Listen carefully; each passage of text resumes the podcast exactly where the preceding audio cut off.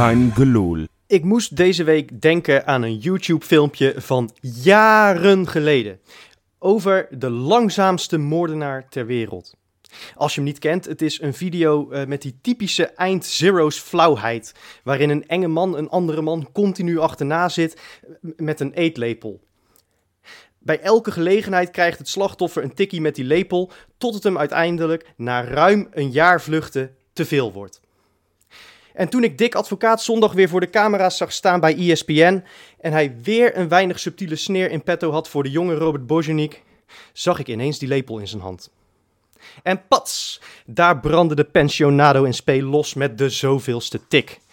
Wel nee, Bojanik hoefde niet op steun van zijn trainer te rekenen, want hij krijgt toch gewoon betaald. Kijk, we zijn er inmiddels allemaal aan gewend geraakt, maar normaal is het natuurlijk niet.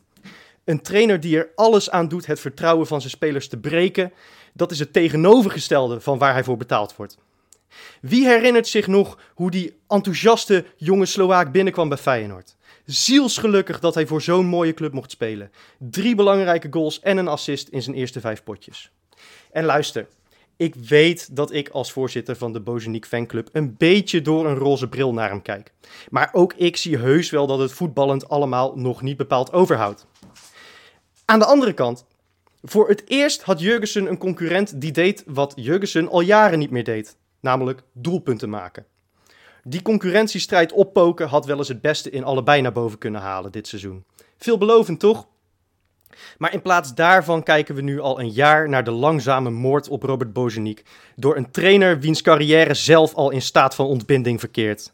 Een trainer die zijn eigen aankopen nooit zo kritisch benadert. Een trainer die dertigers een peptalk geeft en talenten als Bozeniek en Geertruida voor de camera's van ESPN uitlacht. Komt Dick toevallig in de buurt van een microfoon? Pats, daar is die lepel weer. Dick is al een poosje niet meer bezig met het maximale uit de ploeg te halen, maar met een PR-oorlogje voor zichzelf te winnen. Want hij zal toch iets moeten verzinnen om s'nachts rustig in slaap te kunnen vallen, terwijl hij met dit Feyenoord werkelijk waar beschamend presteert. En dus ligt in Dick's ogen alles wat verkeerd gaat aan spelers of het technisch beleid. En wat goed gaat, dat is natuurlijk dankzij Dick. En prima hoor, aan zelfreflectie heeft advocaat de komende jaren toch niks meer. Maar wij moeten hierna nog wel even door. En juist met de spelers die Dick er steeds maar met die lepel van langs geeft. Het is voor die gretige, leergierige spits en vooral ook voor Arne Slot en Feyenoord in het geheel te hopen dat die stomme lepel van advocaat eerder breekt dan Bozeniek. Dat is de aftrap van de gloedje nieuwe Kaingeloel, die ik uiteraard niet in mijn eentje ga maken. Want ik zit hier met Johan Hey. en Robin. Ja, ja. Ja, ik moest even mijn frustratie kwijt. eh. Nee, dat, dat, Ja. maar dat is eh, heel begrijpelijk. ja eh, ik zat, prachtige, prachtige aftrap, Freek. Dat moet ik je toegeven. Sowieso, Ja. sowieso. Dat doet Freek altijd heel mooi. Ja. Nee, maar ik, ik snap de frustratie volledig, want ik zat zondag ook weer te luisteren naar Dick Advocaat. Ja, het, het- ik, ik, ik geniet ergens altijd wel van als hij praat, want het is wel een flamboyante man. Het is, hij, hij, hij klets lekker, hij flirt een beetje met, eh, met een Helene Hendricks of een eh een Fresia. Dat doet hij altijd hartstikke leuk, maar... Wat hij dan uitkraamt, ik, ik storm me daar gigantisch aan. Wat je, nou, eigenlijk, precies wat jij zegt in je Ja. aftrap is, is 100% waar. Want, want hij maakt Bozeniek zo gigantisch kapot. En, en nou, had hij maar hetzelfde gedaan met iemand als Diemers of als Linse in eerdere fase. Maar, maar, maar die krijgen een, een, een krediet van hier tot en met China. En, en waarop, waarop dat gebaseerd is, weet ik ook niet altijd. Dus ik, eh, ik ben het volledig met jou eens, Freek. Ja, mijn hart breekt ook echt een beetje. Weet je, ik, wat jij al zei, Freek, ik denk ook echt altijd nog terug aan, aan die goal. Dat hij gewoon bij totaal het verkeerde publiek staat te juichen. En dat, dat, dat enthousiasme, het leek wel of hij Feyenoord had uitgevonden. Dat hij posters van de Kuip in zijn bed had in eh Tsjechoslowakije.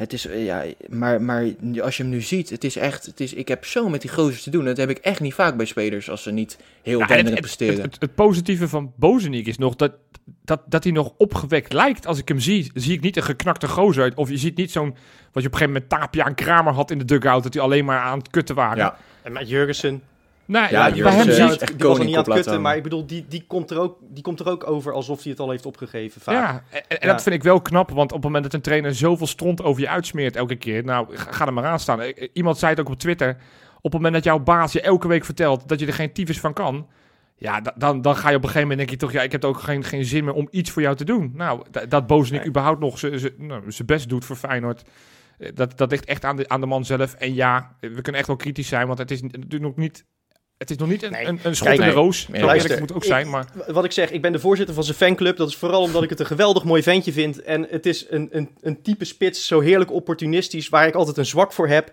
Eh, maar ik zie ook wel dat hij eh, gewoon niet kan kaatsen. Eh, dat het geen kapstok is. Ehm, ik zie hem wel heel veel goed doen, overigens. Ook tegen Fortuna. Ehm, alles wat voor zijn voeten komt in de 16, dat gaat richting het doel. Eh, hij, staat, hij, hij jaagt op werkelijk alles door. Ja, in een ploeg die hoog druk zet en zelf een beetje eh, lekker aan voetballen toekomt, af en toe een bal voor de pot slingert, dan gaat hij echt zijn rendement wel pakken. En we lijken te vergeten dat hij vier maanden geleden nog in het ziekenhuis lag. Nee, Ja. ja, eens. Ja, en, en het is ook nog steeds de eerste spits van Slowakije, hè, jongens? Ja, precies. En dan su- suggesties dat eh, bij Rijnmond dat we maar een Excelsior moeten verhuren. Ja, Ja, wat kom op, die gast is straks basisspeler op het EK, man. Kom Ja. op, hè. Laten we hem ook weer niet te klein maken. Nee. Ehm, nee, dit is gewoon puur eigenbelang van Dick. Zo van, kijk, hier moet ik het mee doen. Het is allemaal prut, dus het ligt niet aan mij dat we vijfde staan. Ja. Maar goed, we hebben het nu heel lang over een speler die, nou, zover ik weet, niet gespeeld heeft afgelopen zondag. Nee. Eh, dus laten we het gaan hebben over die wedstrijd. Want we hebben gespeeld tegen FC Utrecht. Nou, als we toch al dik advocaat aan het fileren zijn. Ik wist niet wat ik zag met de opstelling. Eigenlijk is het natuurlijk een beetje verlengd. Hij heeft de opstelling zo aangepast om Bozenik niet op te stellen. Ja, dat idee had ik ook. Ja, ik ook. En, en dan denk ik Ja. van, nou, eh, eh, nou ik, ik noemde er net naam Diemers al. Het- nou, als, als je daar het systeem ook een keer weer op aanpassen dat Diemers niet meer speelt. Want dat was echt niet te doen. En het gaat nu niet, we gaan nu niet alleen maar lopen bashen, want het is heel makkelijk om advocaat eerst van langs te geven en nu op Diemers. Maar het is elke week als hij in het veld staat, denk ik van waarom heeft die gozer een Feyenoord shirt aan? En is het nou echt niet in de jeugd iets beters? Of het nou Weerman was in een eerdere fase, of nou El Bouchatoui die vorige week zijn debuut heeft mogen maken. Ja. Dacht hij, Ik- misschien ik dacht hij echt- nog dat we in het rood-wit speelden, Diemers. Eh, Dat geldt hetzelfde voor Ver. Die leverde echt alles eh, naar het rood-wit in, hè? Ja, Diemers en Ver waren echt afgrijzelijk. Ja, maar je dat is niet kunt te doen. hetzelfde zeggen van Botteguin en Spajic als die in balbezit waren. Dat sloeg ook helemaal nergens op. Dat leek gewoon nergens naar. Nee, maar, maar dat- Ehm, dat- die, die laatste twee namen daar had je ook wel een beetje mee te maken met die opstelling. Want als je Ja, met vijf dat verdedigers, je zag ook gewoon echt, ze hadden geen clue die eerste kwartier wat ze moesten doen. Nee. het Nee, was heen het en weer begint- tikken. Het, En dan- begint en dan- al, het, het begint al inderdaad wat je zegt met die opstelling. Als je dan 5-3-2 wil spelen en je wil een beetje, beetje eh, in gaan zakken, dan zorg je toch in ieder geval dat je diepgang voor in hebt. En slash of iemand die een bal kan vasthouden. Maar dan start je met Berghuis en Linsen als de twee voorwaartse. Ja. Wat is Ja. dan je systeem? Dan in je middenveld, dan, heb je drie verdedigers en ver. Nou ja, veel defensiever gaat het niet worden. Dus de, suggestie van advocaat dat het eigenlijk best een aanvallend systeem was, die slaat Ja, werkelijk nergens op. Wat een lulkoek weer. Maar ik, weet, je waar ik, weet je waar ik gewoon echt niet bij kan? En dat, ik weet dat Jopie het hier wel met me eens is. Dat je, ik weet dat Freekie en veel meer mensen echt geen fan zijn van Texera. Maar ik snap echt niet hoe je Diemers boven Texera laat spelen. Nou ja, dat snap ik dan als je Teixeira zijn invalbeurt zag. In dit systeem heel goed. Eh, want zolang die jongen niet eh, op maximaal 16 meter van het doel staat, heb je er ook helemaal geen zak aan. Nou ja, maar goed? Ja. je, je bent normaal gesproken toch dichter bij het doel van de tegenstander. Dus ik vind Texera voetballen, die denkt in oplossingen, die speelt vaker de bal naar voren. Diemers die draait vier keer om zijn as en speelt hem vervolgens naar achter. Ja, Ja, Je hebt ook nee, niet heel veel. Ja, het is ook niet moeilijk om iets, iets beter te doen. hey, maar ik wil even Ja, toch, de, toch... de naam is net al gevallen. Ik, ik, ik moest toevallig, eh, eh, eh, zaterdagavond, eh, kijk ik tegenwoordig een programma, De Verraders, op, op RTL 4. Daar probeert eigenlijk een groep bekende Nederlanders, zoals al die programma's tegenwoordig, die probeert steeds een aantal mensen die de boel bedriegen, proberen ze eruit uit te lichten. En ik moest denken, ja, de naam Verrader hebben we natuurlijk al in het verleden bij Feyenoord ook wel eens genoemd. eh, Leroy Ver. Omdat elke week, bij, al, die, al die sterren bij RTL 4, die hebben elke week hebben ze verkeerde sturen naar huis. Elke keer zitten ze bij het verkeerde eind. Ik heb ook een beetje het gevoel dat het bij Feyenoord aan het gebeuren is. We hebben het heel vaak over hè, Diemers, we hebben het heel vaak over Linsen, we hebben het over advocaat. Maar ik vind Leroy Ver steeds groter en groter probleem worden. Want Ja. ik, ik snap dat misschien fitheid, nou ja, dat hij niet op zijn allerfitst is. Het is natuurlijk nooit een speler die mega fit is geweest in de laatste vijf, zes, zeven jaar van zijn carrière. Maar ik heb toevallig laatst een keer heel veel eh, beelden zitten terugkijken van dit seizoen. Het zijn zo vaak zijn man, hè, dus aanvallende middenvelder, die vrij voor de keeper komt, omdat hij het gewoon niet kan belopen. In balbezit wordt het per week slechter. Ja. Eh, in, in de tijd dat hij gefluenceerd was, stond Tornstra op zijn plek. En toen hebben we eigenlijk de naam Ver niet genoemd. Maar ja, toen Ver weer fit was, was Ver weer een automatisme. En Ja. werd hij zelfs reserve aanvoerder. En kijk, Diemers ik kom pas Dat net was bij hij al, Feyenoord hè, kijken. reserveaanvoerder. Nee, oké, maar, weet je, al. Diemers komt net bij Feyenoord kijken. Dus weet je, daar mag je Nee, iets binnen maar je hebt ook gelijk. Kijk, bij Diemers is natuurlijk het commentaar dat, eh, dat we dat soort spelers überhaupt niet moeten halen. Eh Ver was vorig jaar natuurlijk wel gewoon eh, heel lang van meerwaarde. Ja, Eh, maar die lijkt inderdaad in een half jaar tijd eh 20 jaar ouder te zijn geworden. Ja. Ik bedoel, die, ik kan me die afscheidswedstrijd van Dirk Kuyt nog herinneren. Nou, een Ver in deze vorm had daar niet in de basis gestaan. nee. Nee. En weet, weet je wat ik dan ook vaak hoor? Mensen die dan de optie zeggen van ja, de enige manier waarop Ver nog mee kan, is om, om een linie naar achter te schuiven. Ja, maar dat kan die echt totaal niet belopen hoor. Die gast, als je Bottegien en Ver hè, dadelijk een keer centraal achterin moet zetten als Senesi eh, klaar is, dan word je echt door, Ja. door Van der Maro word je nog ingehaald achterin. ja. Maar ja, ja ik, ik, ik snap wel dat mensen proberen te denken in oplossingen, want het is geen speler die je nog verkocht gaat krijgen. Nee, maar we hebben het, we hebben het inderdaad, eh, Johan en ik, wij, eh, wij hadden eh, van de week een aardige discussie over wat het middenveld van slot moet gaan worden. Ja, Daar komen we later in de podcast misschien nog een klein beetje over te spreken. Maar dan kom je eigenlijk tot de conclusie dat, voor, dat, dat als je de puzzel gaat leggen, dat, dat Ver dan op de bank komt te zitten. Toch? Ja, en, dat, en dat is, ja. Want nou hij ja, is van oudsher, is hij, eh, hè, Slot die, die wil normaal gesproken met de punt naar voren gaan spelen. Ja. Ja. Nou ja, zo'n zo'n ouderwetse box-to-box daarachter. eh, hè, echt zo'n lopende controleur, zoals El Amadi Vilena, dat blok vroeger. Dat, dat kan ver niet meer in deze vorm. Dat kan echt niet. Dat kan echt niet. En hij was natuurlijk van oudsher vroeger wel zo'n speler, die echt het hele veld kon belopen, ook Ja. in Engeland nog. veel nog maar gespeeld als rechtsback bij Feyenoord zelfs. Ja, maar ik bedoel, hij moest, hij moest echt wennen aan zijn, aan zijn eh, rol als eh, zes vorig seizoen. Ja. Maar ik denk niet dat hij ooit nog eh, fit genoeg wordt om, om op, ja, op, op, acht te komen te spelen. Nou, en op zich weet je, als, als, als de consequentie is dat je dat als reserve hebt. Deze week zag je bij AZ zag je Jordi Klaasie nou, voor, voor het eerst weer een hele lange tijd weer spelen. Nou, het is wel fijn om een speler in ieder geval die, die, die wat niveau heeft om op de reservebank Mm. te hebben. Bedoel, het is niet dat hij helemaal niks kan. Hè? Niet al te lang geleden zat hij nog in de voorselectie van Oranje. Dus het Nee, is, zeker. maar, maar het is, ja, dat middenveld moet echt wel flink gaan verbouwd worden. Eh, maar goed, daar gaan we inderdaad later nog wel een keertje over hebben. Maar ik, het, het viel me op dat we het heel vaak hebben over allerlei spelers en allerlei posities. Die moet vervangen worden en die moet weg. Maar de naam Ver valt nooit. In de podcast is het denk ik van alle basiself de speler die het minst besproken wordt. Ja. Terwijl, terwijl ik wel vind dat hij ook eens een keer, ja, in dit geval Nou ja, negatief de eh, aandacht moet krijgen. Ja. Laat ik het zo zeggen. Het is dit seizoen. eh, en dan, inderdaad, hij zat nog bij de voorselectie van Oranje. Dus zo slecht was het eh, in de eerste seizoen zelf ook allemaal niet.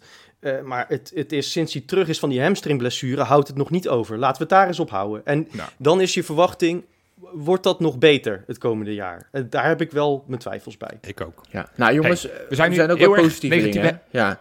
We hebben gewonnen namelijk van Ja. een, een ploeg die Oh ja. nou, niet heel slecht is. Eh, we hebben gewonnen in Utrecht. Maar ik heb we- zelfs gehoord dat, ja, ze, dat ze beter zijn dan Feyenoord. Elia, die had een grote mond hè? Ja, het was wel de wedstrijd van de oud Feyenoorders, maar daar gaan we het straks nog over hebben. Maar waren er nog spelers die jullie wel positief bevielen? Want we hebben er net een paar negatief Nou ja. uitgelicht, maar... Eh, het spijt me zeer, maar Sinisterra die staat geloof ik 10 minuten in het veld. En, en die laat meteen weer zien waarom Linsen nooit de linksbuiten van Feyenoord kan zijn. Omdat hij namelijk nooit dit doet. Die assist was goed, hè? Heel Oh. goed. Hij wacht, eerst die vooractuur nog voor. En daarna, hij wachtte precies totdat Berghuis de 16 in was gelopen. Hij deed echt alles goed. Nou, kijk, ik, ik, ik las ook ergens een staartje dat Linse geloof ik maar 12 balcontacten had in de hele wedstrijd. Wat natuurlijk echt lachwekkend laag is. Maar die loopactie van Linse is wel perfect bij die goal, want daardoor komt die ruimte voor Ja. Berghuis vrij. Ja, Dat is waar. Hij trekt heel goed dat gat door, door, door vol naar de eerste paal te rennen. Want ik, want ik vond Linse ja, niet per se goed spelen, maar ook niet slecht. Want ja, weet je, Linse heb ik inmiddels wel het voordeel van de twijfel. Daar heb ik heel lang Ja. kritisch en zeikerig. In deze rol heeft hij echt nog wel een soort van waarde. Ja, en, precies. Hij, hij, hij, hij doet aardig mee. Eh, hij heeft eh, bij, bij Vlagen zijn waarde. Eh, dat is als in de breedte kun je die er op zich wel bij hebben, ja. Zeker. Ja. Klopt. Ik vond trouwens, ik vond trouwens Bijlo best, best goed keeper. Ik vond Ja. Bijlo gewoon echt hartstikke goed keeper. Ja, Ja. ik vond, eh, en Ja. naast Bijlo vond ik, vond ik Geertruida en Toornstra, ook Berghuis trouwens. Die, die vier vond ik voor mij het meest eh eruit springen, zeg maar. En, en Malasia. Ja, maar goed. Malasia, de eerste 15 minuten vond ik hem echt heel zwak. Die leverde echt alles in. Ja, nee, ja dat, maar ja, dat, dat kwam ook door hoe, hoe... Het stond ook raar gepositioneerd. Nou ja, dan gaan we het weer over die opstelling hebben. Maar als je dan toch eh, met vijf verdedigers met, met, eh, met van die wingbacks gaat spelen... Ja. dan heb je toch haps, heb je Inderdaad, de ideale eens, back in ja. dat systeem op de bank zitten. Dat deed, dat deed, deed Haken wel goed, hè? Want die had het zo uitgedokterd dat Ja. hun snelste man, Kerk, eh, steeds aan die rechterkant stond. Waardoor Senesi eigenlijk ook niet centraal stond, maar steeds als een soort van linksback. Waardoor het centrum wat meer open lag. Dat zat er allemaal heel goed Ja. uit. Complimenten wel, want we zijn er toch ook het positieve belichten. Ik zag inderdaad ook een statistiek dat Feyenoord van alle clubs in de Eredivisie de, minste tegendoelpunten heeft in de tweede helft. Namelijk 12.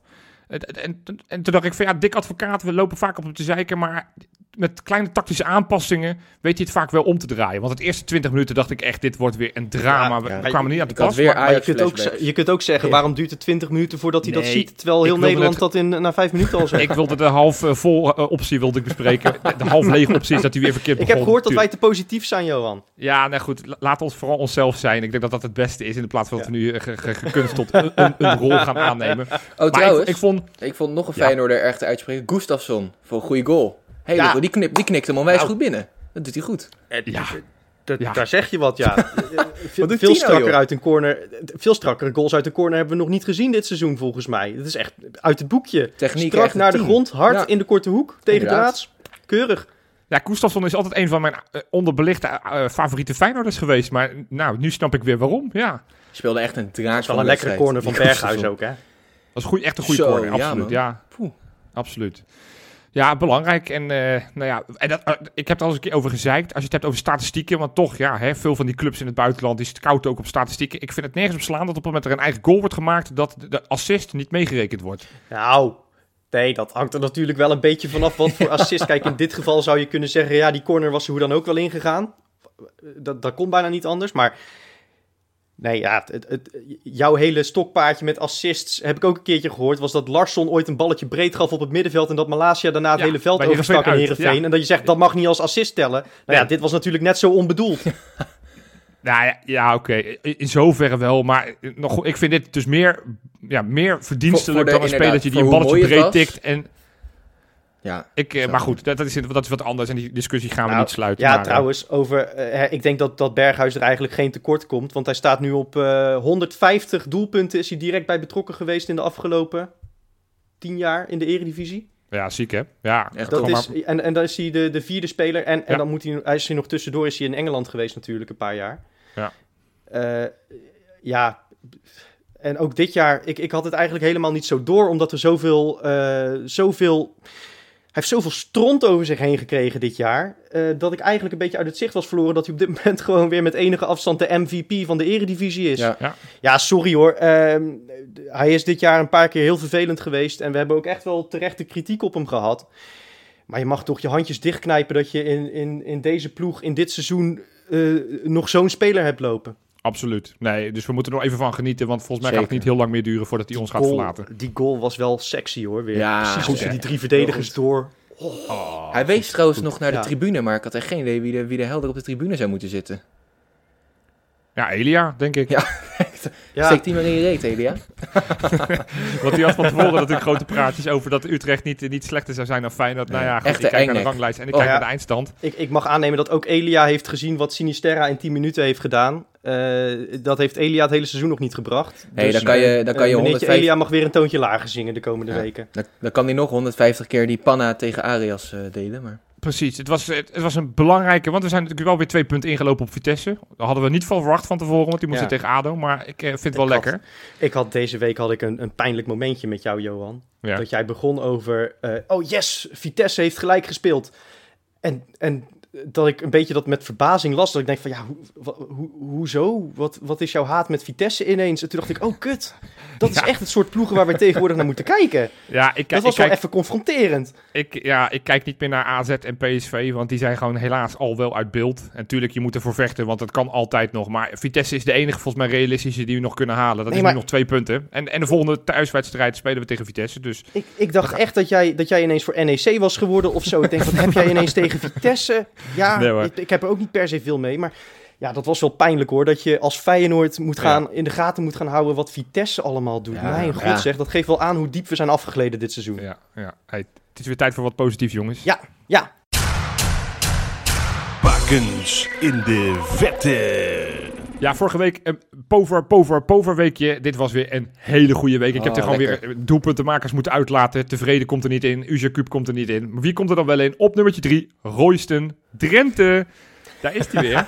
Schitterend. Roya Op het tweede niveau in Spanje Ja, ja. of zo. In, eh, in Spanje, in de Tercera Division, het vierde niveau in Spanje, zijn ze inmiddels aangekomen bij de kampioenspool. De beste nummers drie, die plaatsen zich voor die pool. Nou, en eh, zijn ploeg eh Murcia, die, eh, die heeft zich als derde geplaatst bij die beste, beste zes. Ehm, eh, dus die moesten nu hun eerste wedstrijd spelen in die, in die, in die finale pool feitelijk. En ze moesten meteen ja, de, de, de kraker tegen de, de stadsgenoot, het, het tweede van eh, Real Murcia, spelen. Dus hij speelt bij Racing Murcia en hij moest tegen de tweede van Real Murcia. En nou ja, eh, ze begonnen uitstekend die, die tweede competitiehelft. Want ze wonnen met 0-2 en de, de 0-2 was een, een, een, bal van ongeveer een metertje of 25 in het kruis van Royston Drenthe. Lekker man. Mooi Heerlijk. man. Heerlijk. Op nummertje 2, we gaan naar Duitsland. En dan gaan we naar een ploeg die, eh, die het nou eigenlijk nog op zijn Emmens doet, maar dan misschien nog iets beter. Dan heb ik het over Mainz. Hè, in de winterstop stonden die nog nou, niet stijf onderaan. Ze hadden alleen Schalke nog onder zich, maar die leken rechtstreeks naar de tweede Bundesliga te gaan. Ja, maar dat, dat telt intussen niet meer mee, geloof ik, toch, in Duitsland. Sch- Schalke, dat, dat, dat kun je, ja, die... die nee, als, als je Huntelaar aantrekt als grote aanwinst, dan ben je af. Dan, dan, dan, die- dan tel je die niet meer die, mee. worden, die, die mogen soort uit een liefdadigheid mogen ze elke week nog een wedstrijdje voetballen. Maar volgens mij is er niemand in Duitsland die zegt, oh ja, Schalke. Dat is een beetje dat kleine broertje die mee wil playstationen. Ja, Ja, die hebben ze toch gewoon al lang opgeheven, maar dat hebben ze gewoon de rest nog niet verteld. Nee, ja. Precies. Maar goed, Mainz dus sinds, eh, sinds de winterstop eh, zes keer gewonnen, vijf keer gelijk. Dus eh, nou, dat is best knap. En daardoor zijn ze inderdaad naar boven aan het krabben. Nou, afgelopen weekend moesten ze spelen tegen een, een ploeg die ook onderin staat, Köln. En eh, nou, dat was de wedstrijd niet van, eh, van eh, onze grote vriend Sint-Juste, die al een paar keer in de bakers voorbij is gekomen. Nee, het was de wedstrijd van Boetius. Want hij opende de score met, met een lekkere goal. Ook een, een bal van randje 16 die hij er goed inschoot. Gaf iets later een echt waanzinnige assist. Een bal in de loop die die, die speler alleen maar hoefde aan te raken zodat hij in, in de goal vloog. En ze wonnen uiteindelijk met 2-3. Waardoor ze nu nou, toch wel echt uitlopen, zeg maar, bij die, met name die rechtstreekse degradatieplek. Want daar staan ze nu vijf punten vandaan. En ze staan nog twee punten voor op de nummer 16. Die, eh, die, die goed is voor na-competitie. Dus eh, ze doen goede zaken, Minds. Hartstikke leuk. Lekker man. Lekker. en dan hoor. vraag je je af, wat kan er dan Altijd op één wel- staan? Altijd wel een beetje een zwak voor Boetius gehouden. Ja, ik ook. Stiekem. Een beetje hetzelfde. Heel Ja, stiekem. ja, een beetje wel. Ja. Maar goed, niet in de, te veel, de, de, de, de, de valtrappen dat we hem weer gaan halen. Want dan zal hij weer Nee, nee, nee, nee, nee, nee. Nee, nee, nee, nee, nee. Nee, oké. Hey, ja, op nummertje 1. het is een man. Ja, het is, toch- ik moet altijd lachen als ik eh, over hem heb. Eh, Fedor Smolov. We gaan weer naar Rusland. Want het was wel het weekje van Fedor Smolov, hoor, jongens. Eh, speelde op de dag van de vorige opname. Want ik pak altijd. Hè, vorige week kreeg ik op mijn flikker van Wesley. Je moet het vanaf maandag meepakken. Want dan nemen we op. Nou, toen moest hij spelen voor de beker. In de kwartfinale tegen Sochi. Hij maakte de 0-1. En hij maakte de 0-2. En uiteindelijk wonnen ze 1-3. Dus ze gaan nu naar de halve finale van, eh, van de Russische beker. Spelen dan tegen CSKA Moskou. Was dat het dan? Nee, dat was hem nog niet. Want deze, dit weekend moest hij ook nog voetballen. Moest hij tegen Spartak thuis, de derby. En uiteindelijk wonnen ze met 2-0. Eerste goal gaf hij de assist. En ja hoor, je voelt hem al aankomen. Bij de, de 2-0 maakte hij de goal uit een vrije trap. En schoot hij keihard erin. Dus eh, nou, lekker weekie. Goed ook voor, eh, voor zijn club. Want eh, ze staan nu op derde plek. Op eh, nou, eh, een puntje van Spartak Moskou. En de nummers 1 en 2 die gaan eh naar Champions League voorrondes eh gaan doen. Dus eh goede beurt Lekker voor man. Smolov en zijn ploeg. En de vrij weer goede zaken gedaan. Ja, die, Ja, Gaat gewoon die gaan kampioen kampioen worden? En dat is Ja, ja. echt heel vet. Ja, dat is echt Knap. Eervolle vermelding vond ik toch wel even de moeite waard, toch? Ja. absoluut. Zeker. De schrik sloeg eh, een aantal Feyenoorders weer eh, om het hart. Nou ja, misschien weer allemaal, want eh Bijlo lag er ineens weer geblesseerd bij. En nou ja, we zeiden het al, hij keepte weer een dijk van een wedstrijd. En je had toch het gevoel van, daar gaan we weer. Maar mij moet toch even iets van het hart. Wat ik dan vervolgens allemaal... Nou, ten eerste die Fox-commentator die een heel riedeltje afsteekt... en wat ik op social media allemaal voorbij zie komen op... over Bijlo, dat hij het allemaal aan zichzelf te danken heeft en eh, dat het een sukkel is en dat we van hem af moeten en dat hij niet eh, geschikt is voor het profvoetbal in Nederland, eh, dat doet me toch wel heel veel pijn. En toen vroeg ik me eigenlijk af, hoe kan dat nou eigenlijk dat de ene blessurige, blessuregevoelige speler een, een gunfactor heeft en de andere gewoon finaal wordt afgebrand meteen als hij op de grond ligt? Ja, snap Nou ik ja. wel, Freekie. Ik, ik snap het. En eh, in mijn hoofd lag het altijd een beetje aan krediet. Kijk, eh, bij, bij Van Beek bijvoorbeeld, Sven van Beek, is iedereen er een beetje lacherig over. Want ja, je kan nou niet zeggen dat Sven van Beek eh, ongelooflijke indruk bij Feyenoord heeft achtergelaten, denk ik. Ehm, alleen wat ik Ja, dan... maar toch als je... Nou, Sven Nee. van Beek... Die heeft de naam een brekenbeentje, maar ik heb even, toevallig heb ik het opgezocht. 153 potjes heeft hij voor Feyenoord gespeeld. Dus het is niet alsof hij maar twee wedstrijden heeft Ja, meegedaan en, en drie seizoenen geblesseerd was. Wel, wel, wel in zeven jaar tijd of zo. Ja, Oké, maar, Ja. maar reken dat eens uit over zeg maar 30 wedstrijden per seizoen. Dan, dan heeft hij toch nog vier, vijf seizoenen bijna alles gespeeld. Zeker, zeker. En eh, vergeet ook niet dat hij eh, bijvoorbeeld met die 6-2 tegen Ajax gewoon hartstikke goed speelde. Of Ja, het- maar dus- eh, dus- dus het gevoel inderdaad- tegen- Ja, nee, tegen Ajax, ja. ja. Het, het gevoel is inderdaad dat die gozer altijd geblesseerd is. Maar als je 153 op, ik bedoel, eh Botteguin heeft er 160 om maar eens een, een voorbeeld te nemen. Dus, dus dat zit niet zo heel veel van elkaar af. En ja, dat is twee seizoenen minder voor Botteguin. Maar toch, het is wel grappig. De beeldvorming is dat Van Beek altijd geblesseerd is. Ja, dat heb ik, heb ik terwijl eerlijk terwijl hij dus echt nog rete veel gespeeld heeft voor Feyenoord. Ja, maar Ja. Ik, ik dacht dat, dat ga- het dus ga een beetje... Ja, ik dacht dat het dus een beetje aan krediet lag. Weet je wel, in mijn ogen heeft Van Beek niet een, ja, een onwijze indruk achtergelaten bij heel veel Feyenoorders. Alleen, dat had ik bij Bijlo totaal niet. Ik, ik vind Bijlo nog steeds het grootste keeperstalent van Nederland. En als ik nu mensen op Twitter zie... Ja, ik zag een tweet voorbij komen, eh, jongens. Eh, Die gaf aan, door blessuregevoeligheid is Drommel een groter talent dan Bijlo. Ja, ja dat, toen viel ik van mijn stoel. Ik denk van, wat een onzin. Eh, die, jongen, die jongen die doet het duidelijk niet expres. Hij heeft er ook al een keer in Rijnmond op gereageerd. Het zijn geen spierblessures. Het is, het is zijn vinger, of het is zijn teen, of het is weet je wel, zijn hand of zijn knie. Eh, Daar kan hij ja, in mijn apart vrij weinig aan doen. Alleen als je ziet wat voor krediet Bijlo heeft bij de Feyenoorders, snap ik niet zo goed dat al die shit, ik, ik vind het onverdiend. En ik snap niet zo goed waarom hij het dan over zich heen zou krijgen. Die jongen heeft toch heel veel gedaan over Feyenoord in de tijd dat hij er al speelt. Misschien mag ik daarop reageren. Want Freek en ik waren na de wedstrijd hadden we een verhit. Nou ja, verhit valt ook wel mee. Maar we hadden een discussie in dit geval over Bijlo. Want ik, wat met name mij triggerde van de week heeft hij toevallig een interview gedaan. Dat hij zegt van joh, hè, ik heb de beeldvorming is dat ik altijd geblesseerd ben. Hij, hij ontkende dat, dat is niet waar. Want hè, een beetje pech. Eh, en, en er kwam ook bij, ik moet mezelf misschien wel iets beter wapenen, om- omdat hij soms een beetje verkeerd uitkomt. Even vrij vertaald, hij zal het iets anders gezegd hebben dan wat ik nu doe. Dan denk ik van, nou ja, als je zeg maar heel erg sterk ontkent van dat hij niet blessuregevoelig bent. En bij de eerste beste wedstrijd die we daarna spelen, raak je weer geblesseerd. En ja, het lijkt allemaal mee te vallen. Al zag ik vandaag ook alweer een bericht dat het nog niet eens zeker was of hij over twee weken weer mee kan doen. Dan, dan vind ik het dus weer niet helemaal meevallen. Dan denk ik, ja, dan, dan kan je wel roepen dat je niet zo blessuregevoelig bent. Maar ja, eh, één keer is een incident, twee keer is, eh, is nog steeds een incident. Maar bij de derde keer vind ik het geen incident meer. Dan zie ik toch op een Nou gegeven moment, voor een jonge keeper, op een gegeven moment een kleine tendens. En dat is een, een tendens die ik doodeng vind.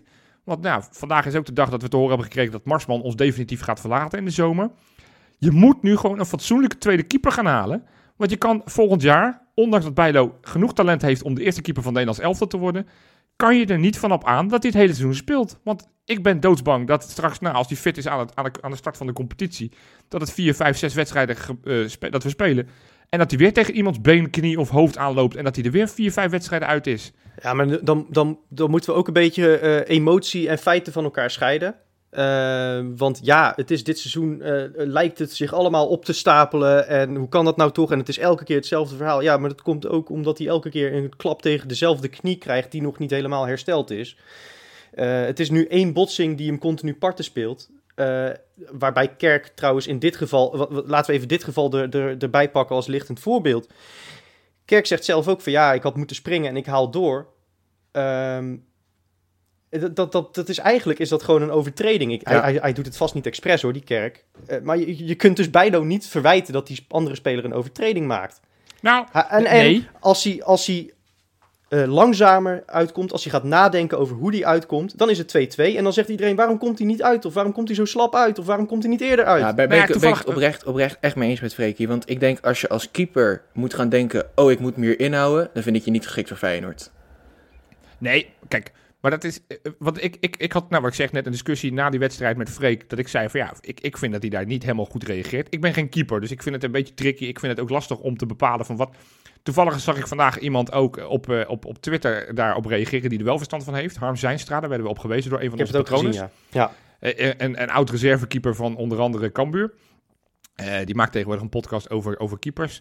En die ging in op, op dat, op verhaal. En eigenlijk wat hij zei, eh, eh, eh, is ook een beetje van hoe ik toevallig in die wedstrijd ook keek. Hij duikt op een moment op, op zijn ene zij, terwijl zijn andere zij logischer zou zijn. En dan kan je voorstellen van je zal een voorkeursstijl hebben. Je wil misschien liever op je rechterzij duiken, omdat je dan misschien wat, hè, als je rechtsbenig bent, ik weet het niet, ik ben geen keeper nogmaals.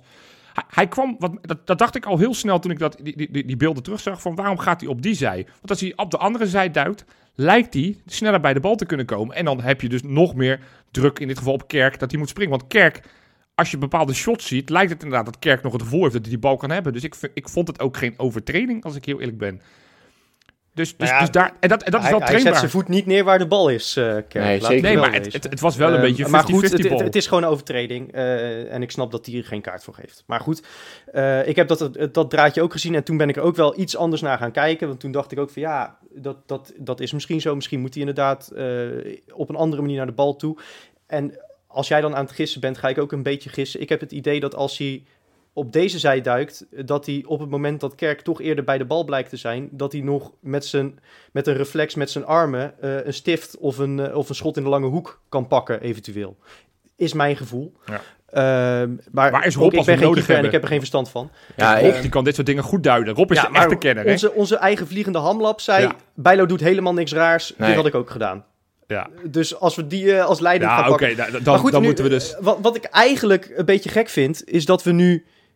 ehm, ik weet niet hoe lang al aan het discussiëren zijn. En dat, dat is een beetje ingegeven door die commentator, heb ik het gevoel.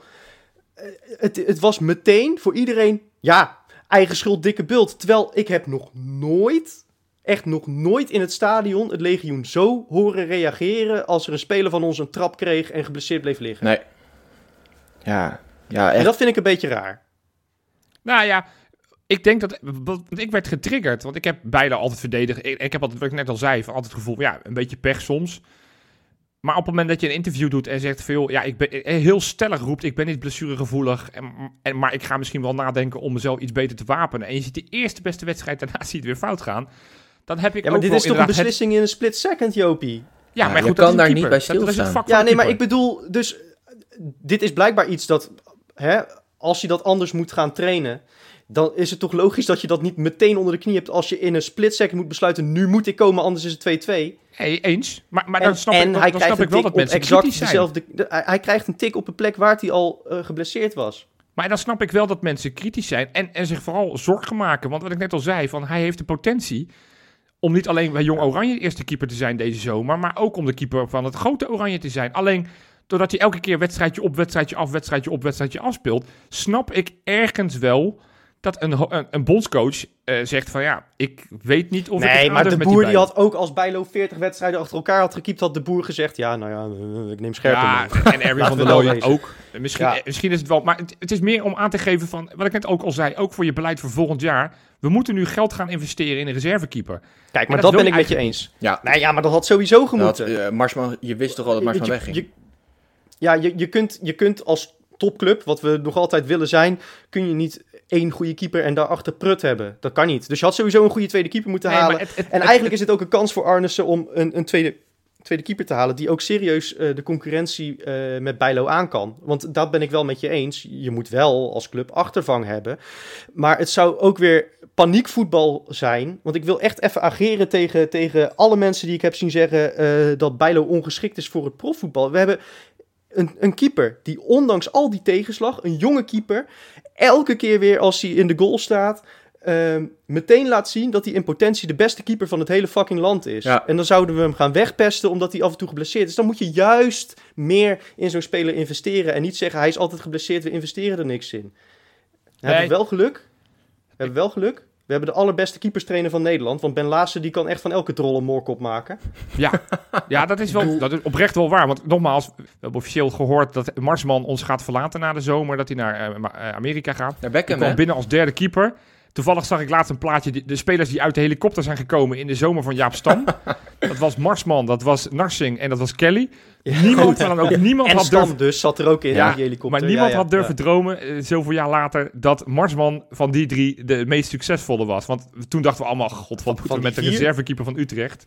Hij is van die vierde enige die ze nog in de Kuip mag vertonen. Nou ja, maar dat geeft Ja. aan dat hij zich gigantisch goed heeft ontwikkeld. En ik denk echt dat het een belangrijke rol is voor Ben Laassen. Want die ook Brad Jones een topkeeper heeft Zeker, gemaakt. ja. Die, zeker. die van Bijlo van een jeugdkeeper naar inderdaad tegen international aangemaakt heeft. Dus die gozer krijgt nooit credits, maar die mag ook wel eens een keer genoemd worden. Ja, ik weet niet wat die, wat die Ben Laassen ze allemaal voert, maar dat is, dat is echt krachtvoer inderdaad. En, en daarom heb ik er ook vertrouwen in dat hij, dat hij dit Bijlo ook wel kan bijbrengen. Maar ik vind dit echt, en, en, en dat is een beetje mijn punt. Ja, natuurlijk moeten we daar kritisch op zijn, maar eh, dit is echt iets waar het eh, vanochtend hopelijk met Ben Laassen op de training over is gegaan. En niet iets waar we een van de meest talentvolle spelers die we hebben massaal over moeten gaan zitten afvallen. Want als je dan kijkt, als je dit vergelijkt met Jurgensen, die krijgt een fakkelactie op de Erasmusbrug. Ja. Ja. En, en, en, en Bijlo die krijgt shit over zich heen. Daar ben ik zo klaar Nou, mee. Ik wil dat wel in perspectief plaatsen. Want ik denk ook, op, stel nou dat hij er wel het hele seizoen uit...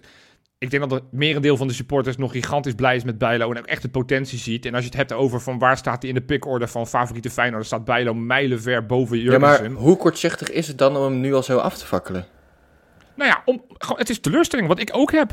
Dat je denkt, van, het is zo'n talentvolle keeper. Maar dat is-? Kijk, ik, ik, ik, ik snap... Nee, dat me eens. Dat, maar dat is wat anders. Dat je de Twitter, de Twitter, de bieltjes, dat, dat die op die manier reageren. Ja, daar vind ik ook wat van. Maar in- ik, ik was ook teleurgesteld. Want ik, ik was eindelijk klaar om, om heel Twitter eh, aan te gaan vallen. Voor mensen die het op gingen nemen voor Scherpen als eerste doelman van Jong Oranje. Ik dacht van, nou, nu heb ik ze. Dit is... Ja, en als dan in diezelfde week je, je, je eerste keeper van Feyenoord weer geblesseerd raakt... dan gaat je hele argument weer weg. Want dan snap Ja. ik inderdaad van de Maar, lui maar dit is een interessante, want volgens mij hebben we hier het probleem te pakken. Ehm, want ehm, volgens mij is het iets psychologisch voor Feyenoorders. Dat we zo gewend zijn dat, dat alles wat er bij ons verkeerd gaat, dat, he- dat, dat heeft als oorzaak dat er wanbeleid wordt gevoerd. En daardoor zijn we een beetje gaan geloven dat we werkelijk alles in eigen hand hebben. En dat alles wat fout gaat, dat heeft een, een verschrikkelijke oorzaak die we meteen eruit moeten vliegen. Dat, dat is een soort reflex, hè? Mhm. Ehm, maar soms heb je ook gewoon pech. Kijk, Ja. tuurlijk kan Bijlo... Tuurlijk kan Bijlo hier iets anders uitkomen... en dan heeft hij een kans dat hij inderdaad de bal heeft en niet geblesseerd raakt. Puntje bij paaltje heeft hij gewoon pech dat Kerk doorhaalt op zijn knie. Als Kerk gewoon opspringt, zoals elke spits in die situatie normaal gesproken doet... hebben we deze hele discussie niet. Nee. Ja. Weet je waar ik denk ook... Ik denk dat het ook groot eh, aandeel heeft dat het er gewoon verschrikkelijk knullig uitzag. En inderdaad, al wat, wat, wat Jopie zei, dat hij dat vorige week had gezegd dat hij niet blessuregevoelig is.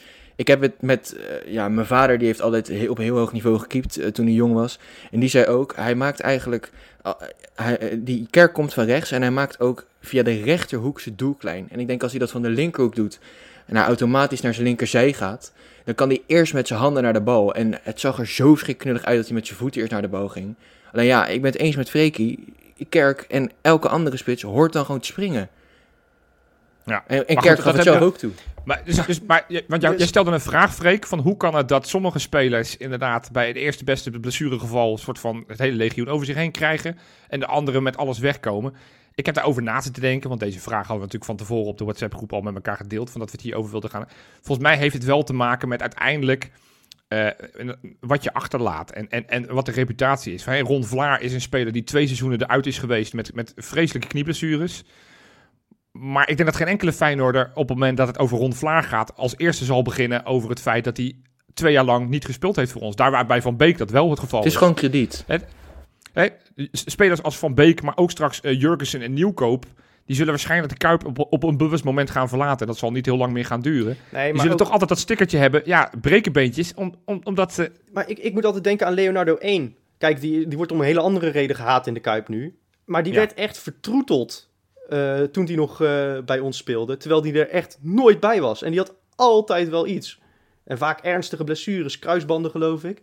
Maar dat is ook een, een andere naam. Ik denk misschien de speler van de afgelopen tien jaar... waar blessureleed het, het, het meest vervelend is geweest. Ik hoef alleen maar de teen te zeggen. En dan weet ik volgens Ja. mij wel op wie... Weet je, Sekou Cissé, grote aanwinst. Daar hadden Ja. we hoge verwachtingen van. We hebben uiteindelijk de potentie nooit gezien... omdat hij altijd met die teen loopt te klo- klooien. De teen van Ja. Cissé. En, en op een gegeven moment... In het begin is het nog zo overvelend, zoals je ook bij Jurgensen, hè, toen hij eerste, eerste keer geblesseerd raakt na het kampioenschap dat jaar, is het van, oh kut, hoop dat hij snel weer terugkomt. Bij de tweede blessure is het ook van, nou, hè, even wat pech. En op een gegeven moment, als het de derde, vierde, vijfde blessure is, denk je op een gegeven moment, ja, daar gaan we weer. En dat was bij Cissé was het ook zo. Ja. En, dan- en dan Ah, op een gegeven moment, als je al niet heel veel gepresteerd hebt in een Feyenoord shirt. Kijk, Jurgensen teert nog op dat eerste jaar. Maar stel Ja. dat Jurgensen dit had gehad in zijn eerste seizoen dat hij bij Feyenoord was geweest, niet het kampioenschap had meegemaakt. Ja, dan hadden we nu echt allemaal gigantisch klaar geweest met Jurgensen. En dan hadden we die massaal afgefakkeld, zoals we dat ook een beetje met Cissé hebben gedaan. Maar dat, Ja. dat zag je toch Nou ook ja, toen hij wat aan zijn oog had, Jurgensen. Dat iedereen zei van, ja, nou is weer aan zijn oog. Wat, wat heeft die jongen allemaal niet?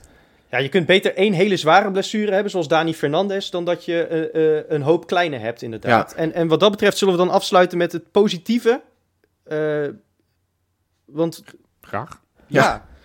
het zijn bij Justin Bijlo zijn het nooit spierblessures. Het zijn nooit gekke kwaaltjes. Het is nu een paar botsingen achter elkaar. Die moeten we eigenlijk tellen als één blessure. Want het is één blessure die terugkeert nu. Dat is heel vervelend. Maar wat we in ieder geval hebben gezien. eh, is een eigenschap die we eerder inderdaad bij, de, eh, bij, eh, bij Vlaar hebben gezien. Ook een beetje bij Sinisterra. Dat hij altijd de kracht heeft om er weer sterker uit te komen. Dat hij elke keer als hij terugkomt van zo'n blessure meteen laat zien dat hij echt met afstand de beste keeper is die we hebben.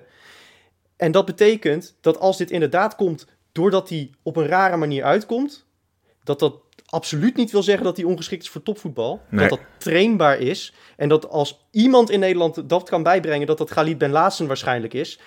En dat als ze dus een beetje aandacht aan hem besteden, dat we volgend seizoen gewoon de allerbeste keeper ter wereld in de goal hebben staan. Jongens, ik zie een aantal gevaarlijke dingen gebeuren in de media de laatste tijd. Aan de ene kant heb je, heb je mensen als Hugo Borst, eh, die doodleuk zeggen dat Feyenoord gewoon lekker negende moet worden volgend seizoen. Want dan krijgt Slot lekker veel de tijd. Dan moeten we lekker, eh, kunnen we lekker geduldig doen. Aan de andere kant heb je mensen zoals bij Rijnmond die zeggen... joh, ik weet niet wat ze bij Feyenoord allemaal van Slot verwachten... eh, maar hallo, eh, die gaat ook gewoon prutswerk leveren eh, met deze selectie. En dan tegelijkertijd, en dat haalt helemaal het bloed onder mijn nagels vandaan... heb je dan gasten eh, die bij, eh, hoe heet die clubjes ook weer... Alkmaar, Arnhem of zo? Die, die doen alsof wij niet gewoon nog steeds de derde begroting van Nederland hebben. Alsof we definitief in, in Fortuna Sittard zijn veranderd of zo. Ehm, en dat leek me eigenlijk een, een goed moment om eens te peilen van... Klopt het eigenlijk wel dat wij verwachten dat met slot alle problemen voor de zon verdwijnen... en, en dat we ineens meedoen voor de titel? Klopt het wel dat wij tevreden mogen zijn met de negende plek? Wa- wa- Waar staan we? Want dit seizoen, de rest van dit seizoen draait vooral om die hunkering naar volgend jaar, althans voor mij. Ja. Ja, Nee, ja, voor iedereen, denk ik. dat had ik al vrij snel. Dus Tenzij je heel erg verheugt op play-off voetbal, maar... nee, ja, nee, als je nou, Conference. League mogen Eh, we niet onderschatten, joh. Nee, sorry. Nee, ja. Ik heb vandaag besloten dat we dat ding gaan winnen trouwens, die Conference Ja, League. ik Maar heb de clubs Daar gezien. komen we vast nog een keertje op terug. Dat, eh, Eh. daar wil ik graag nog eens een keer met je over bomen dan. Want dat vind ik een leuke invalshoek. Maar misschien voor een andere keer. Ja, Precies. maar ga verder. Ehm, nee, dus dat leek me een mooi moment om eens te peilen van... Joh, hoe zit dat nou met dat verwachtingspatroon? Wa- Waar, waar mag Slot allemaal mee wegkomen? En ehm, wat verwachten we vooral dat hij kan veranderen aan Feyenoord? Nou, ik denk dat er genoeg eh, reële Feyenoorders zijn. Of eh, Feyenoorders die denken dat ze met Slot niet meteen kampioen gaan worden. Maar ik denk dat Slot wel eh, precies, ik hoop ik in ieder geval, kan bieden wat we nu heel erg missen. En dat is visie op de jeugd en visie op toekomst. Ik kreeg al snel een beetje het gevoel bij advocaat van ja, die wil gewoon ervaren rotten.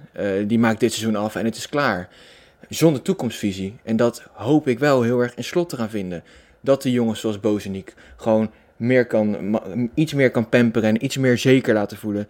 Dat die jongens dadelijk als Weerman, want die, die optie in het contract is natuurlijk gelicht, dat die dadelijk wat meer aan spelen toekomen. Dat is het enige wat ik heel erg hoop wat Slot gaat brengen.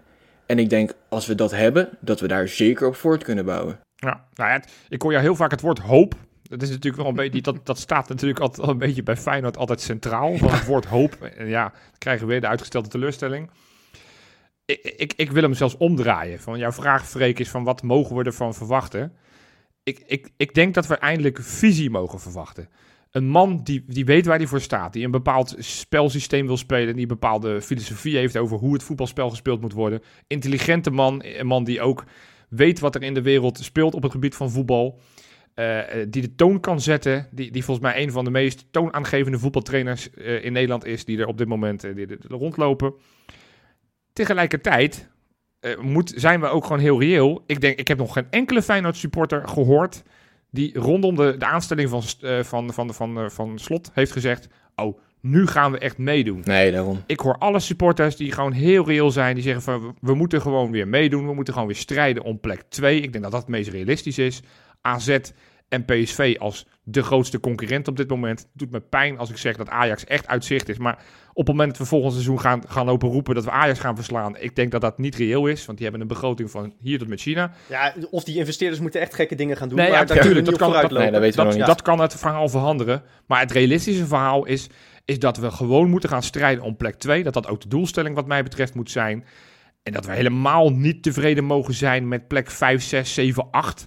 Dus als Hugo Borst dat roept, dan is dat waarschijnlijk omdat hij het heel leuk vindt dat hij dan kan roepen dat hij de club van Rotterdam is met zijn Sparta. Maar da- da- daar gaan we niet in mee, Hugo Borst, helaas. Want we zijn nog steeds een topsport. We hebben nog steeds de derde begroting van Nederland. Dus we gaan geen genoegen meenemen met dat we maar, maar, maar tiende worden en dan toevallig vier jeugdspelers doorbreken. Want we zijn wel een topsportvereniging. Nee, Nee. precies. Ja. En, eh, en, en, en wat mij eh, beangstigt is een beetje dat, dat die, die twee zaken vol onzin die we eigenlijk eh, nu tegenover elkaar zetten, dat die elkaar gaan versterken. Want als je krijgt dat Feyenoord straks zegt na een teleurstellend begin met slot van joh, hey, luister eens, je moet wel Europees voetbal halen dit seizoen en minimaal eh, vierde of derde worden. Eh, dan gaat Kamp Borst gaat zeggen, ja, maar ja, ze geven zo'n trainer ook helemaal geen kans om iets op te bouwen. En op het moment dat we dan zeggen tegen Slot, als hij slecht begint, van joh, je bent op zich lekker aan het bouwen, je bent jeugd aan het inpassen, we nemen even de tijd, dat is nu nodig in het belang van de club op de lange termijn. Dat dan kamp Barry van Galen, eh, die, ja, ik weet niet hoor, maar die, die man, die, wat heeft die over voetbal te zeggen? La, Ja, ga lekker naar sterren.nl. Ja, Eh, hij, klinkt, hij klinkt tenslotte als een volkszanger. Ja. Zeker. Ja. Eh, maar in ieder geval, dan, dan krijg je dat dat kamp gaat roepen van... ja, zie je wel, Feyenoord is eh, echt geen topclub meer.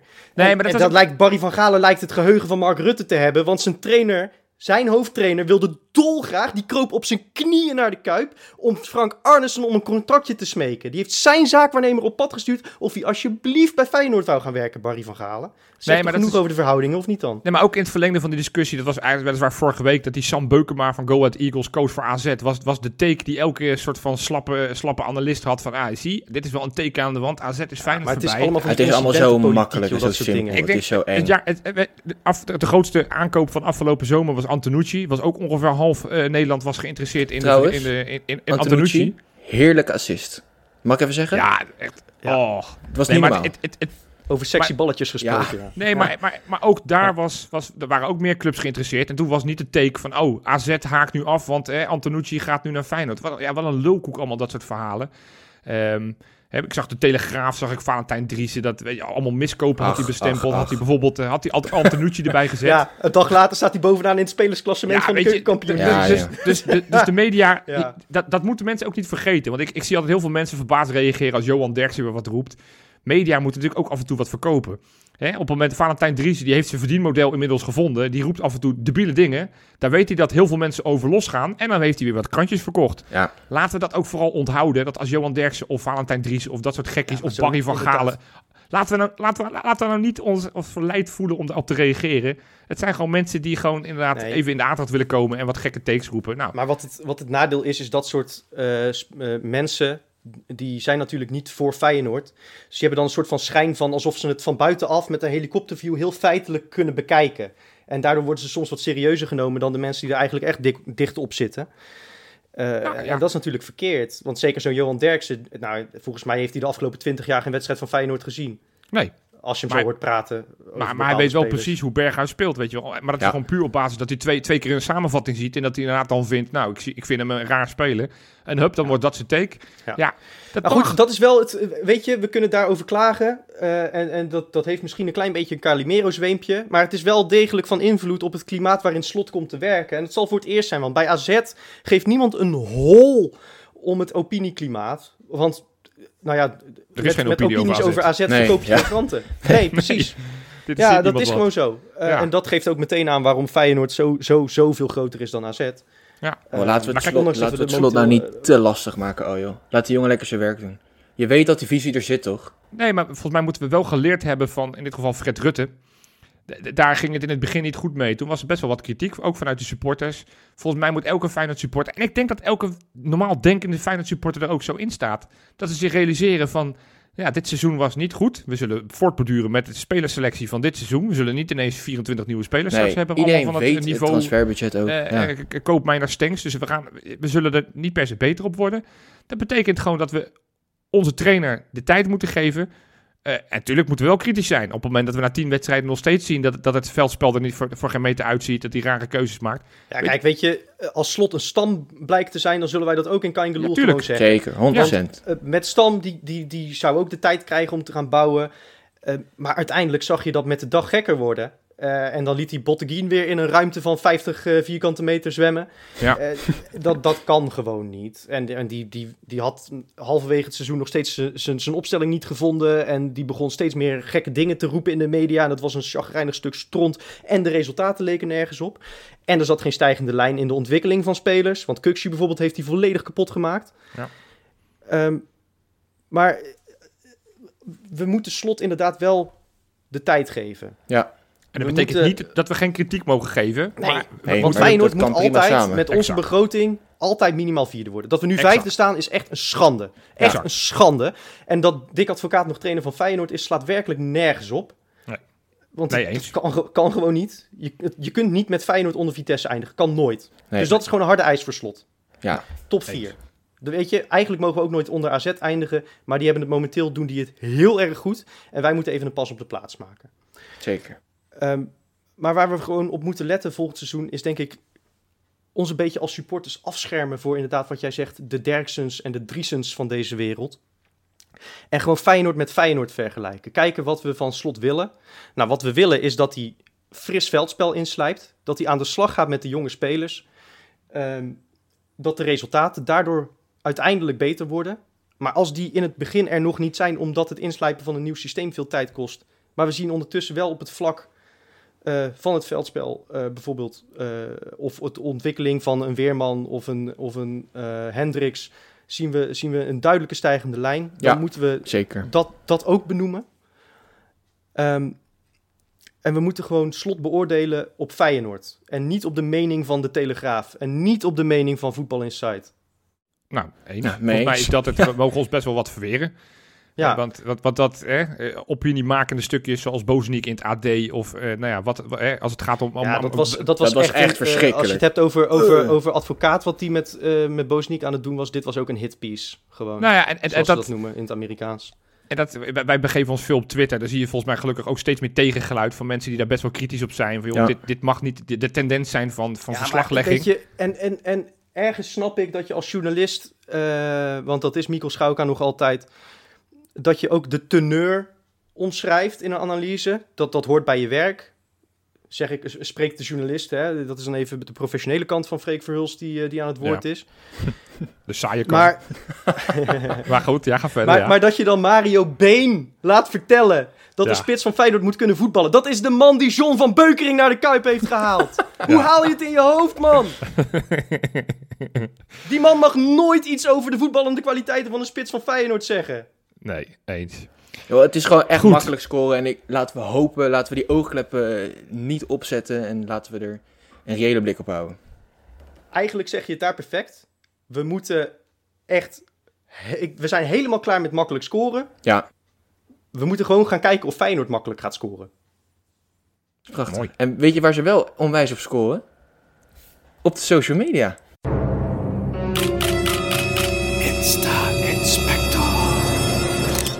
Ja jongens, wat een eer. Voor de, voor de tweede keer in mijn Kangaloo carrière mag ik de Insta overnemen van eh, mijn grootvader Wessels. Ja, dat is mooi. Ehm, laten we beginnen met... eh, Het is geen speler van Feyenoord. Laten we daarmee Ja. beginnen. Ik heb zelfs twee schilderijen van deze man in mijn huis. Ja, dat is cryptisch, maar dat is de Notorious B.I.G. Biggie Smalls. Oh, ja. De oude rapper. Heel... Nou, Ja. ik heb een plaat voorbij zien komen op Insta. FRFC heeft hem gepost op hun Instagram. Ja, dat is Biggie in de Kuip in Stadion Feyenoord. Het is echt werkelijk prachtig. Je ziet een hele onwijs groot, grote gozer eh, langs, de, langs de tribunes lopen. Het is echt een, echt een magische plaat. Die, die, die, deze komt sowieso later in mijn huis te hangen. Dus 100%. Vet. Ja, jammer dat ik er toen nog niet, eh, nog niet bij kon zijn, maar... eh, Nee. dat, eh, 1996 ja, dat is- dat zijn komt hij van uit. die, eh, ja, toen was ik drie man. Dat, eh, Ik was min 4. Jezus, ik voel me altijd zo oud als jij erbij zit, Robin. Ja, sorry. Ga, gaan we maar Ik snel naar de niet hoe oud ik volgende, toen was, Freekie. want dan voel ik me helemaal oud. Goed, heb je wat nog meer? Ja, de- deze, ba- eh, deze Insta komt, komt Marco Senesi veelvoudig terug. En Oh. eh, Feyenoorders onder elkaar, blijkbaar noemen ze elkaar allemaal maatje. Maatje. En, en eh, dat is een, kort, eh, een korte brug naar Maté. Het favoriete drankje natuurlijk van Marcos. Oh ja. ja En ja, ja. ehm, hij heeft ook Bart Nieuwkoop eh, helemaal verslaafd gekregen, jongens. Bartje zit aan de Maté. Ja, ja. En hij zet ja. eronder... Heeft niks anders te doen. Nee, Dus ja, hij zit eronder... eh, is this good, maatje? Met een vraagteken. Dus dat is leuk. En eh, daar... eh, Is het een hint misschien dat hij een club gevonden heeft in Argentinië? Dat Nieuwkoop na de zomer in Argentinië gaat voetballen? Ik weet het niet. En eh, misschien is het wel gesponsord, want hij zet er een mooie, een mooi accountje bij. Ehm, en Marco Senesi heeft, er goed, heeft erop gereageerd. Goed zo, maatje. En eh, weet je welke Feyenoord er een maatje te veel heeft? Lucas Prato. Prato. Ja, ja, leuk. ja, leuk. ja. We gaan naar de volgende. Gaan we weer naar onze Argentijnse gladiator, jongens. En dit is niet Ja. eens de laatste keer dat hij erin komt. Maar die was even in de war. Ja, natuurlijk, Fortuna hebben we op zaterdag gespeeld. En die dacht, ja, Ja. eh, tegen Utrecht doen we dat ook. Dus die had zijn matchday-plaatje zaterdag al gepost. Dus die was er iets te Die dacht dat we zaterdag, eh, zaterdagmiddag moesten voetballen. Ja, dus die was er echt eh, die was er iets te vroeg bij. Maar ja, dat, nou ja, ja, dat kan Hij gebeuren. begon ook wel aan de wedstrijd alsof hij al een wedstrijd achter de rug had, moet ik zeggen. Ja, Ja. inderdaad. Ik denk Ja. dat hij die kerk er niet helemaal bij kon hebben. Nee. Nog een kater van zaterdag, denk ik. Ehm, Ja, ja hij, hij, moest op zondag naar de kerk inderdaad. Was. Leuk. Leuk, Ricky. Oké, dan gaan we weer naar onze captain, Steven Berghuis. En dit is, dit is een prachtig, echt een idyllisch eh, familieportretje. Hij zit lekker met, zijn, eh, met Nadine, zijn prachtige vrouw, en, eh, en hun knappe dochtertje. Zitten ze lekker een ijsje te eten in de zon. Hartstikke gezellig. Nou, ja, ik, een bankje voor het huis. Hartstikke lieve leuk. foto. Ja, ik heb, ik heb alleen maar rot weer gehad. Ik heb geen zon gezien deze week. Maar blijkbaar in weet eh. Huizen Berghuis was er wel zon. Lekker. Ja, joh, sinds hij die goals voor Oranje heeft gemaakt, Ja. is de zon doorgebroken bij hem. En dat Lekker, zie je man. toch ook weer aan die heerlijke goal van hem tegen Utrecht. Ja, Ja. zeker. Nou jongens, laatste twee. Ik heb er twee. Ik heb een uitgebreide Insta. Ehm, nog Ja. één keer de gladiator. Marco Senesi is een enorme beer. Ik denk dat we daar allemaal wel mee eens zijn, toch? Ja. Zeker. Zeker. En ik dacht, soort shoot soort. Dus hij heeft twee ongelooflijke beren in huis liggen op zijn bank. Prato en? Nee, nee, nee, nee, nee, nee. Niet Oh. die past niet op de bank. Nee, eh, Oh ja? het is, maar het zijn twee enorme bulldogs. Het is niet Oh. normaal. Wat een beest zijn dat zeg. Die hele bank is helemaal ingenomen. Door twee enorme honden. Nou, dat zijn, zijn dat bulldogs? Die zijn toch niet zo groot? ja, ik, weet- of pitbulls. Niet die eh, slechte R&B Ja, die lijken niet op maar- elkaar. Ja, ik weet het, het zijn echt... eh, Ja, joh, ik, ik haak hier af. Ik weet helemaal niks van honden. Ik zag Nee, in ieder geval dat ze heel groot zijn in ieder geval, als het beren zijn, geloof ik het ook. Zijn bizar groot. Ja, jongens. En dan toch, toch even terug naar mijn, eh, nou misschien wel mijn celebrity crush.